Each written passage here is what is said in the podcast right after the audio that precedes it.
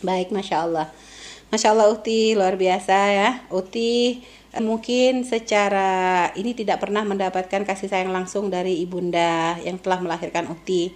Karena Uti dari kecil turut nenek, setelah itu pun langsung uh, punya ibu tiri yang ternyata memperhatikan juga.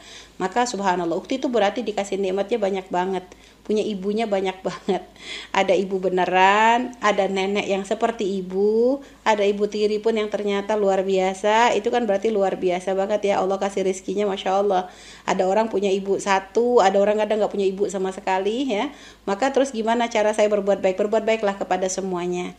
Lalu lebih banyak mana yang dibantu? Yang paling butuh itu yang Anda bantu lebih banyak. Jadi tidak usah melihat ini adalah ibu atau ibu tiri atau nenek yang memang butuh untuk dibantu lebih banyak, maka itu yang dibantu lebih banyak. Kalau misalnya ibu Anda, Anda, ibu kandung Anda sudah mapan, lebih nyaman, ya tetap Anda sambung silaturahmi. Jangan merasa dendam, aduh saya nggak pernah dirawat sama ibu saya. Jangan Anda berprasangka buruk. Mungkin ada sebab kenapa beliau tidak bisa merawat Anda seperti biasa, seperti ibunda-ibunda lainnya. Mungkin ada sebab yang tidak bisa diceritakan Artinya untih jangan berprasangka buruk, jangan melihat kekurangannya karena tidak pernah merawat Anda, tapi lihatlah dia ibu yang menjadi sebab Anda terlahir di dunia.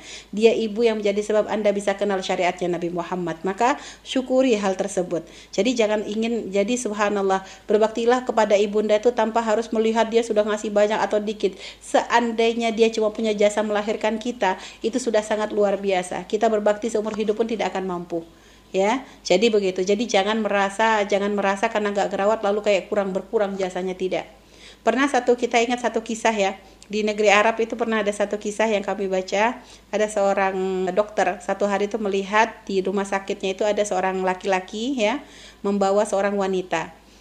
Dan wanitanya tuh yang dilihat wanita yang bersama laki-laki tadi tuh kayak kayak kurang waras tuh ya kayak wanita orang kurang waras. Sehingga kadang yang laki-laki tuh rambutnya ditarik apa begitulah tingkahnya kayak gak waras begitu. Akhirnya si dokter tuh penasaran dideketin tuh si laki-laki tadi ditanya ini siapamu? Gitu kan. Ini siapamu? Dijawab sama anak laki-laki sama laki-laki tadi ini ibuku. Oh ibumu? katanya. Dari kapan ibumu gila seperti ini? Akhirnya si anak laki-laki tadi jawab, dari mulai aku ngerti, ibuku memang sudah gila. Dari mulai ibu ngerti, aku ngerti ibuku gila. Akhirnya si dokter tadi tuh agak-agak kaget gitu. Subhanallah karena melihat tadi muamalah si anak laki-laki laki-laki tadi dengan ibunya tuh kayak lembut banget. Padahal ibunya tuh kasar, narik rambut apa tapi itu tuh senyum, lembut ngeladeni, nggak kasar, nggak marah, disayang, kelihatan sayang banget sama ibunya. Akhirnya si dokter tadi nanya, jadi ibunya tuh berarti kamu ibumu gak pernah mengenalmu. Enggak, ibu gak pernah kenal aku. Terus bagaimana? Aku lihat tuh kamu tuh kok baik banget sama dia. Apa gunanya? Kalau dia memang tidak kebaikanmu pun dia tidak mengenalinya kok. Apa jawab si anak laki-laki tadi? Ibuku memang tidak mengenalku karena memang dia gila kan. Akan tetapi aku tuh kenal siapa ibuku. Ya. Ibunya gak kenal dengan dia karena memang ibunya gila. Tapi anaknya tuh kenal kalau ini adalah ibunya. Walaupun gila itu adalah ibunya. Ya Allah, Kebayang coba. Seorang anak bukan hanya gak dapat kasih sayang, ibunya gila ngerepotin dia. Tapi ternyata dia tetap melihat ibunya sebagai pintu surganya. Ibunya boleh gak kenal dia, tapi dia selagi kenal ibunya, maka ibunya adalah tempat ladang bagi untuk dia berbakti, untuk dia melakukan banyak kebaikan. Subhanallah, itu loh bakti. Nah itu, jadi bakti itu jangan nunggu kalau sudah dibaikin. Gak atas seandainya tidak baik tetap berbakti, hukumnya wajib.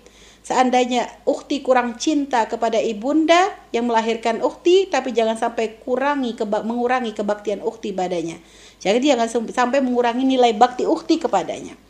Nah, adapun sekarang ukti kalau untuk punya tiga ibu berarti ada nenek, ada tadi tiri, ada ibu kandung ya.